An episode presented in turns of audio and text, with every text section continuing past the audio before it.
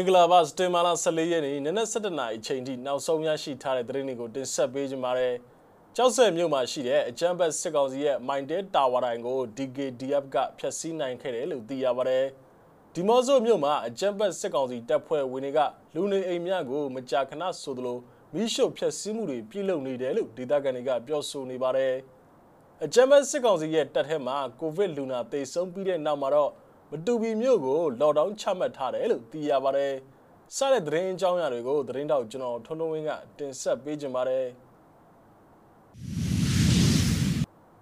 ပထမဆုံးအနေနဲ့တင်ဆက်ပေးခြင်းတဲ့သတင်းကတော့ငိမ့်စာဗိုလ်ချုပ်မူကြီးတန်းရွှေရဲ့နေအိမ်ကိုဘုံပစ်ခဲ့တဲ့အဖွဲ့ကကြောက်စဲမြို့ရဲ့အရှိတ်အရက်မှာရှိတဲ့မိုင်တဲတာဝါတိုင်းတစ်ခုကိုစတင်ဘာလ23ရက်နေ့ညပိုင်းအချိန်ကဖျက်ဆီးလိုက်နိုင်ခဲ့တယ်လို့သတင်းထုတ်ပြန်လိုက်ပါတယ်။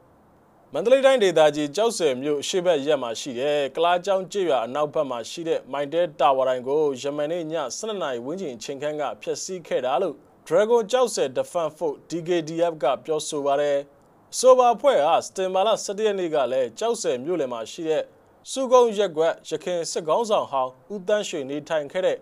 အိမ်တော်လို့လူသိများတဲ့နေအိမ်ကိုလည်းဘုံပေါက်ကွဲမှုမှာသူတို့လက်ချက်ဖြစ်ကြောင်းကိုထုတ်ဖော်ပြောဆိုထားပါသေးတယ်။ င်းအောင်လည်းမေးလို့ဟာတာဒီလေ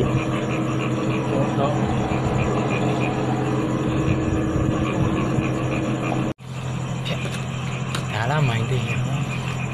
ဒါလာမိုင်းတယ်ဒါလာမိုင်းတယ်အဲ့ဒီဘာလို့တင်ဖြတ်တင်နေလို့မမင်းအောင်လိုက်ဟောဒီဒီကြီးရမင်းအောင်လည်းမေးလို့တာ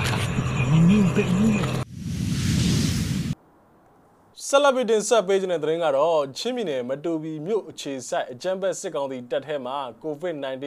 ပိုးတွေ့လူနာတဦးအသက်သေဆုံးသွားပြီးတဲ့နောက်မှာတော့မတူပီမြို့ကိုဒီကနေ့စက်တင်ဘာလ14ရက်နေ့ကနေစတင်ပြီးတော့ရက်အကန့်အသတ်မရှိလော်ဒေါင်းချမှတ်လိုက်တယ်လို့ဒေသခံတွေကပြောဆိုနေပါတယ်။မတူပီမြို့ပေါ်အနောက်ခုဘွေရက်ကွက်နဲ့140တရင်လိုင်းခန့်မှာစတင်ဘာလ12ရက်နေ့ကကိုရိုနာဗိုင်းရပ်ကူးစက်သူ2ဦးတွေ့ရှိခဲ့ပြီးတော့ တအုပ်သေဆုံးသွားခဲ့ပြီးတဲ့နောက်မှာတော့စားတောက်ဆိုင်နဲ့ဆေးဆိုင်များကလွဲပြီးဆိုင်များပိတ်ထားရန်လို့ညွှန်ကြားချက်ပါရှိတဲ့လော်ဒေါင်းအစီအစဉ်ကိုမြို့နယ်မှာလိုက်လံကြီးညာနေကြောင်းသိရပါတယ်။အဓိကကတော့140တရင်ထဲမှာတပ်သားနဲ့သူ့မိန်းမစီမှာပိုးတွေ့တာမိန်းမကတော့ COVID-19 နဲ့မနေ့ကပဲတည်သွားတယ်။140တရင်ဆိုတာကလည်းဖနိုင်းရွာနဲ့ကပ်နေတော့အဝင်ထွက်တွေများပြီးထိတွေ့မှုတွေများနိုင်တယ်။ဒါကြောင့်လော်ဒေါင်းချလိုက်တာဖြစ်နိုင်တယ်လို့ဒေသခံတို့ကဆိုပါတယ်။ လက်ရှိအချိန်မှာတော့အကြံဘက်စစ်ကောင်စီတပ်ထဲမှာတပ်အစီအစဉ်ဖြစ် COVID-19 ပိုးရှိမရှိကိုစစ်ဆေးနေတယ်လို့သိရှိရပါတယ်။မတူပီဆေးရုံမှာတော့စေကူသားမှုခံယူနေတဲ့ COVID-19 ပိုးတွေ့လူနာ12ဦးရှိတဲ့အနက်မှာတော့2ဦးကတော့ပြန်လည်ကောင်းမွန်ပြီးတော့ဆေးရုံကနေဆင်းသွားပြီးတော့အမျိုးသမီးတူသေဆုံးခဲ့တာပါလက်ရှိဆေးရုံမှာစေကူသားမှုခံယူနေတဲ့ကြံလူနာ10ဦးမှလည်းကျန်းမာရေးကောင်းမွန်လျက်ရှိနေတယ်လို့သိရပါတယ်။ နောက်ထပ်တင်ဆက်ပေးခြင်းတဲ့သတင်းကတော့ကယားပြည်နယ်ကီပြည်နယ်အတွင်းမှာရှိတဲ့ဒီမော့ဆိုမြို့နယ်မှာအကြမ်းဖက်စစ်ကောင်စီတပ်ဖွဲ့ဝင်တွေကနေအိမ်များကိုမကြာခဏဆိုသလိုမိရှုဖျက်ဆီးခြင်းတွေပြုလုပ်နေတယ်လို့ဒေသခံတွေကပြောဆိုနေပါတယ်ဒီမော့ဆိုမှာဟိုးရင်ရက်တွေကနေအိမ်တွေကိုမိရှုဖျက်ဆီးတယ်စတင်မာလာ73ရက်နေ့နေ့လယ်ကလည်းအိမ်နှလုံးကိုမိရှုဖျက်ဆီးတယ်စစ်သားတွေကအကြောင်းမဲ့တက်တက်ရှို့တာပါပြီးတော့လိုက်ကောကနေလက်နက်ကြီးတွေနဲ့ပစ်နေတာအခုထိပဲလို့ဒီမော့ဆိုဒေသခံတို့ မှသတင်းဌာနကိုဆိုပါတယ်အကြမ်းဖက်စစ်ကောင်စီတပ်သားများကဒီမော့ဆိုမြို့နယ်မှာစတင်မာလာ73ရက်နေ့နေ့လယ်ပိုင်းချိန်ကနေအိမ်များကိုလိုက်လံမိရှုဖျက်ဆီးနေခြင်းကြောင့်ဒေသခံအချို့ကဘေးလွတ်ရာကိုတိမ်းရှောင်နေရတယ်လို့သိရပါတယ်ပြီးခဲ့တဲ့စတင်မာလာ9ရက်နေ့ကလည်းအကြမ်းဖက်စစ်ကောင်စီတပ်များက6မိုင်ကျေးရွာမှာနေအိမ်များကိုမိရှုခဲ့တဲ့အပြင်နေအိမ်မိရှုခံရတဲ့ပြည်သူတို့ကိုလည်းလေပင်လှီတပ်ဖြတ်ကအလောင်းကိုမိရှုခဲ့ပါသေးတယ်အစောပါကျွင်းကျန်ရုပ်လောင်းကိုဂရီနီမျိုးသားများကာကွယ်တပ် KMD ရဲ့တပ်ဖွဲ့မှမိရှုတကြိုပေးခဲ့ရအကြောင်းကို KND ရဲ့မှထုတ်ပြန်ခဲ့ပါသေးတယ်။အဲ့ဒါအပြင်အကြမ်းဖက်စစ်ကောင်စီတပ်သားများကနေအိမ်များကိုဖောက်ထွင်းပြီးတော့ပစ္စည်းများကိုမိရှုဖျက်ဆီးတဲ့အပြင်ဒီမဆော့6ရက်ကွက်ရှိကက်သလစ်ဖျားရှိခိုးကျောင်းကိုလည်းအကြောင်းမဲ့ပြစ်ခတ်ဖျက်ဆီးမှုတွေပြုလုပ်ခဲ့ပါသေးတယ်။စတင်မာလာ73ရက်နေ့ည9:30မိနစ်30အချိန်ခန့်ကလည်းလိုက်ကော်မြို့ပေါ်မှာပြစ်ခတ်တပ်များ လက်နက်ကြီးတံများကြားနေရပြီးတော့ဒီမော့ဆို6မိုင်စံပြကျွော်ဘက်ကိုဥတီပစ်ခတ်နေတယ်လို့ဒေသခံတွေကဆိုပါတယ်အကြမ်းဖက်စစ်ကောင်စီတပ်သားများနဲ့ဂရီနီတပ်မတော်အဖွဲ့များကြားစတင်မာလ17ရက်နေ့အထိတိုက်ပွဲတွေပြင်းထန်ခဲ့ပြီးတော့စတင်မာလ23ရက်နေ့အထိအကြမ်းဖက်စစ်ကောင်စီဘက်မှလက်နက်ကြီးများပစ်ခတ်ပြီးတစ်ဖက်သက်ထိုးစစ်ဆင်နေကြောင်းကိုဒေသခံတွေကပြောဆိုနေပါတယ် နောက်ထပ်တင်ဆက်ပေးခြင်းတဲ့သတင်းကတော့ပဲခူးတိုင်းဒေသကြီးအင်းဒီကော်မြို့နီးမှာစတင်ဘာလ23ရက်နေ့မွန်လယ်ပိုင်းချိန်ကကျပ်ငွေ3,400ဓမြတိုက်လူရဲမှုဖြစ်စဉ်မှာတနက်ကင်ဆောင်ထားတဲ့ရင်ထဲရဲဝစ်စုံဝစ်နှစ်ယောက်ပါဝင်တယ်လို့ယုံကြည်စိတ်ချရတဲ့သတင်းရင်းမြစ်တွေထမှသိရပါတယ်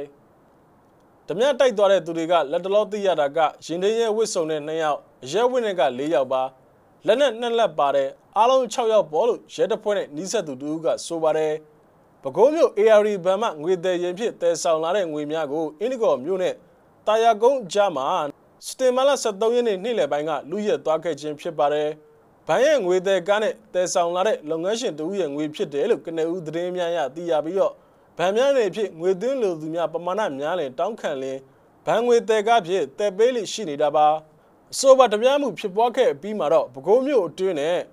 ဝင်းဘော်ဒက်ဂိတ်မှာအကြမ်းဖက်စစ်ကောင်စီတပ်ဖွဲ့ဝင်တွေက ပိတ်ဆို့စစ်ဆေးမှုတွေပြုလုပ်ခဲ့တယ်လို့သိရပါတယ်ဆက်လက်ပြီးတော့နိုင်ငံတကာသတင်းပုတ်ကိုလည်းတင်ဆက်ပေးကြပါမယ်။မြောက်ကိုရီးယားနိုင်ငံက၎င်းရဲ့ဒုံးကျည်ပစ်လွတ်မှုအပြီးမှာထိမ့်သိမ့်သိမ့်သိမ့်လှုပ်ဆောင်ဖို့ကိုတရုတ်နိုင်ငံကတောင်းဆိုလိုက်ပါတယ်။သတင်းပြေဆုံးကိုတော့မြစည်းမသတင်းဌာနကတင်ဆက်ပေးထားတာပါ။နားထောင်ကြည့်အောင်ပါ။ပြီးခဲ့တဲ့သတင်းပတ်ကုံပိုင်းကမြောက်ကိုရီးယားရဲ့တာဝဲပစ်ခရုစ်ဒုံးကျည်စမ်းသပ်မှုအသစ်တစ်ခုပြုလုပ်ပြီးတဲ့နောက်မှာ သက်ဆိုင်ရာနှစ်ဖက်နိုင်ငံတွေအနေနဲ့ထိန်းထိန်းသိမ်းသိမ်းလှုပ်ဆောင်ဖို့နဲ့တွဲဆုံဆွေးနွေးရေးနဲ့ထိတွေ့ဆက်ဆံရေးဘက်ကိုအားသွန်လှုပ်ဆောင်ဖို့တရုတ်နိုင်ငံသားရေးဝန်ကြီးကတောင်းဆိုလိုက်ပါတယ်။မြောက်ကိုရီးယားဟာပြီးခဲ့တဲ့သတင်းပတ်ကုံပိုင်းကတာဝဲပစ်ခရုစ်ဒုံးကြီးစမ်းသပ်ပြစ်လွတ်မှုတစ်ခုကိုပြုလုပ်ခဲ့ကြောင်းနိုင်ငံပိုင်သတင်းမီဒီယာကနေစက်တင်ဘာလ23ရက်တနင်္လာနေ့ကကြေညာလိုက်ပါတယ်။တစ်ချိန်တည်းမှာပဲနျူကလ িয়ার လက်နက်ပိုင်ဆိုင်တဲ့မြောက်ကိုရီးယားဟာအိန္ဒိယနိုင်ငံတွေနဲ့ဒေသတွင်းကိုချင်းချောက်နေတယ်လို့အမေရိကန်ကပြောဆိုလိုက်ပါတယ်။ရိုတောင်စင်မြွန်းသတင်းစာမှာပါတဲ့ဓာတ်ပုံတွေမှာပြောင်းငါးခုပါတဲ့ဒုံးပြစ်ရင်ကနေဒုံးကြီးတစ်ခုကိုအလျားလိုက်ပစ်လွတ်လိုက်တဲ့ပုံတွေကိုတွေ့မြင်ရပါတယ်။ကာကွယ်ရေးစနစ်တွေကိုရှောင်ရှားပြီးအမေရိကန်ရဲ့မဟာမိတ်တွေဖြစ်တဲ့တောင်ကိုရီးယားနဲ့ဂျပန်ကျွန်းတွေစီကိုပစ်ခတ်နိုင်မဲ့ဒီလက်နက်ဟာမြောက်ကိုရီးယားရဲ့လက်နက်နည်းပညာကဏ္ဍမှာသိသာတဲ့တိုးတက်မှုပြရုပ်တစ်ခုဖြစ်တယ်လို့ကျွမ်းကျင်သူတွေကဆိုပါတယ်။စံတက်မှုတွေကိုစနေတနင်္ဂနွေနှစ်ရက်လုံးပြုလုပ်ခဲ့တာဖြစ်တယ်လို့ကိုရီးယားဗဟိုသတင်းအေဂျင်စီ KCNA ကဆိုပါတယ်။ ဒုံးကျည်တွေဟာမြောက်ကိုရီးယားနဲ့၎င်းရဲ့ရေပိုင်နက်ကိုဖြတ်သန်းပြီးကီလိုမီတာ1500အကွာအဝေးကပြစ်မှတ်တွေရှိရာကိုလမ်းကြောင်းပုံသဏ္ဍာန်10မျိုးနဲ့နှစ်နာရီကြာပြန်တန်းထိမှန်ခဲ့တယ်လို့ KCNA သတင်းဌာနကဖော်ပြခဲ့ပါတယ်။တရင်မှာစမ်းသက်ပြစ်လို့တဲ့ဒုံးကျည်တွေကိုအရေးပါတဲ့မဟာဗျူဟာမြောက်လက်နက်လို့ရည်ညွှန်းခေါ်ဆိုခဲ့ပြီးစမ်းသပ်မှုတွေအောင်မြင်ကြောင်းနဲ့တိုင်းပြည်ပေါ်ရန်လိုတဲ့အင်အားစုတွေကိုဟန်တားနိုင်တဲ့ထိရောက်တဲ့အဟန်တားတစ်ခုဖြစ်မယ်လို့ဆိုပါတယ်။ အမေရိကန်ရဲ့ကျူးကျော်မှုတွေကိုခုခံကာကွယ်နိုင်ဖို့ဆိုတဲ့အကြောင်းပြချက်နဲ့လှုပ်ဆောင်နေတဲ့၎င်းရဲ့နျူကလ িয়ার လက်နက်တွေနဲ့ပဲထိန်တုံးကြီးစမ်းသပ်မှုတွေအတွက်နိုင်ငံတကာကအရေးယူပိတ်ဆို့ခံထားရပေမဲ့ပြုံရန်ကတော့ခရစ်တုံးကြီးစမ်းသပ်မှုကိုလုံမြဲအတိုင်းဆက်လက်လှုပ်ဆောင်နေခဲ့ပါတယ်။တရုတ်အနေနဲ့ကိုရီးယားကျွန်းဆွယ်ရဲ့ငြိမ်းချမ်းရေးနဲ့တည်ငြိမ်ရေးကိုအမြဲတမ်းအလို့ရှိပြီးဆွေးနွေးညှိနှိုင်းခြင်းနည်းနဲ့ပြဿနာဖြေရှင်းဖို့ထောက်ခံပါကြောင်းတရုတ်နိုင်ငံရေးပြောခွင့်ရပုဂ္ဂိုလ်ဂျာလီကျန်ကဆိုပါတယ် သက်ဆိုင်ရာနိုင်ငံတွေအနေနဲ့တူညီတဲ့ရည်မှန်းချက်တစ်ခုကိုအတူတကွဖော်ဆောင်ပြီးထိန်းထိန်းသိမ်းသိမ်းလုပ်ကြဖို့နဲ့တွဲဆုံဆွေးနွေးမှုတွေကိုအားသွန်လှုပ်ဆောင်ဖို့ကျွန်းဆွယ်အရေးအတွက်နှစ်ဖက်သဘောတူညီမှုရရှိအောင်နိုင်ငံရေးအရာပဲအစစ်အစစ်ညှိနှိုင်းအဖြေရှာကြဖို့တရုတ်နိုင်ငံအနေနဲ့တိုက်တွန်းပါတယ်လို့၎င်းကဆိုပါတယ်နောက်ဆုံးနေ့နဲ့တင်ဆက်ပေးခြင်းတဲ့သတင်းကတော့တပြည်လုံးတော်လန်တပြည်လုံးအောင်ပွဲခန်းဆိုတဲ့တဝဲခရိုင်လောင်းလုံမြို့နယ်အတွင်းကအမျိုးသမီးများ လူငယ်များကစတင်မာလ23ရက်နေ့ညနေပိုင်းအချိန်ကလောင်းလုံမြို့နယ်အတွင်းတနေရာမှာအကြမ်းဖက်စစ်ကောင်စီအလို့မရှိကြောင်းကိုလမ်းလျှောက်ချီတက်ဆန္ဒပြခဲ့ကြပါတယ်ဆန္ဒပြဗီဒီယိုဖိုင်ကိုကြည့်ရှုရအောင်ပါဆန္ဒပြကြချေတော်ရဲတော်ရဲဆန္ဒပြကြပြတော်ရဲတော်ရဲတော်ရဲဆန္ဒပြကြပြတော်ရဲတော်ရဲတော်ရဲဘာစစကြအမြင့်ပြအမြင့်ပြ အမြင့်ပြဘာစစကြအမြင့်ပြအမြင့်ပြအမြင့်ပြအဲ့စကူမောရကြမောရကြမောရကြအဲ့စကူမောရကြမောရကြမောရကြဖက်စစတအမြင့်ပြအမြင့်ပြအမြင့်ပြဖက်စစတအမြင့်ပြအမြင့်ပြအမြင့်ပြအဲ့စခွဲကိုမထောက်ကြမထောက်ကြမထောက်ကြအဲ့စခွဲကိုမထောက်ကြမထောက်ကြမထောက်ကြအဲ့စစခွဲလုံးမရှိလုံးရှိလုံးရှိအဲ့စစခွဲလုံးမရှိလုံးရှိလုံးရှိဒီမိုကရေစီပြည်တော်စုပေါ်ပေါက်ရဲတော်ရဲတော်ရဲဖက်ဒရယ်ဒီမိုကရေစီပြည်တော်စုပေါ်ပေါက်ရဲတော်ရဲတော်ရဲဖက်စစတအမြင့်ပြအမြင့်ပြအမြင့်ပြ ဟဟုတ်ကဲ့ပါစတင်မာလာ14ရက်နေ့နနက်7:00နာရီချိန်ထိနောက်ဆုံးရရှိထားတဲ့သတင်းတွေကိုကျွန်တော်တို့မျိုးစိမဝိုင်းတော်သားများကနေပြီးတော့တင်ဆက်ပေးခဲ့တာပါမြန်မာပြည်နယ်မှာနေထိုင်တဲ့မိဘပြည်သူတွေအကုန်လုံးဘေးရန်နဲ့ကင်းရှင်းကြပါစေလို့ဆုမကောင်းတောင်းအပ်ပါတယ်လက်ရှိဖြစ်ပေါ်နေတဲ့ COVID-19 ကရောဂါနဲ့ပတ်သက်ပြီးအထူးဂရုစိုက်ကြဖို့ကိုကျွန်တော်တို့မျိုးစိမဝိုင်းတော်သားတွေက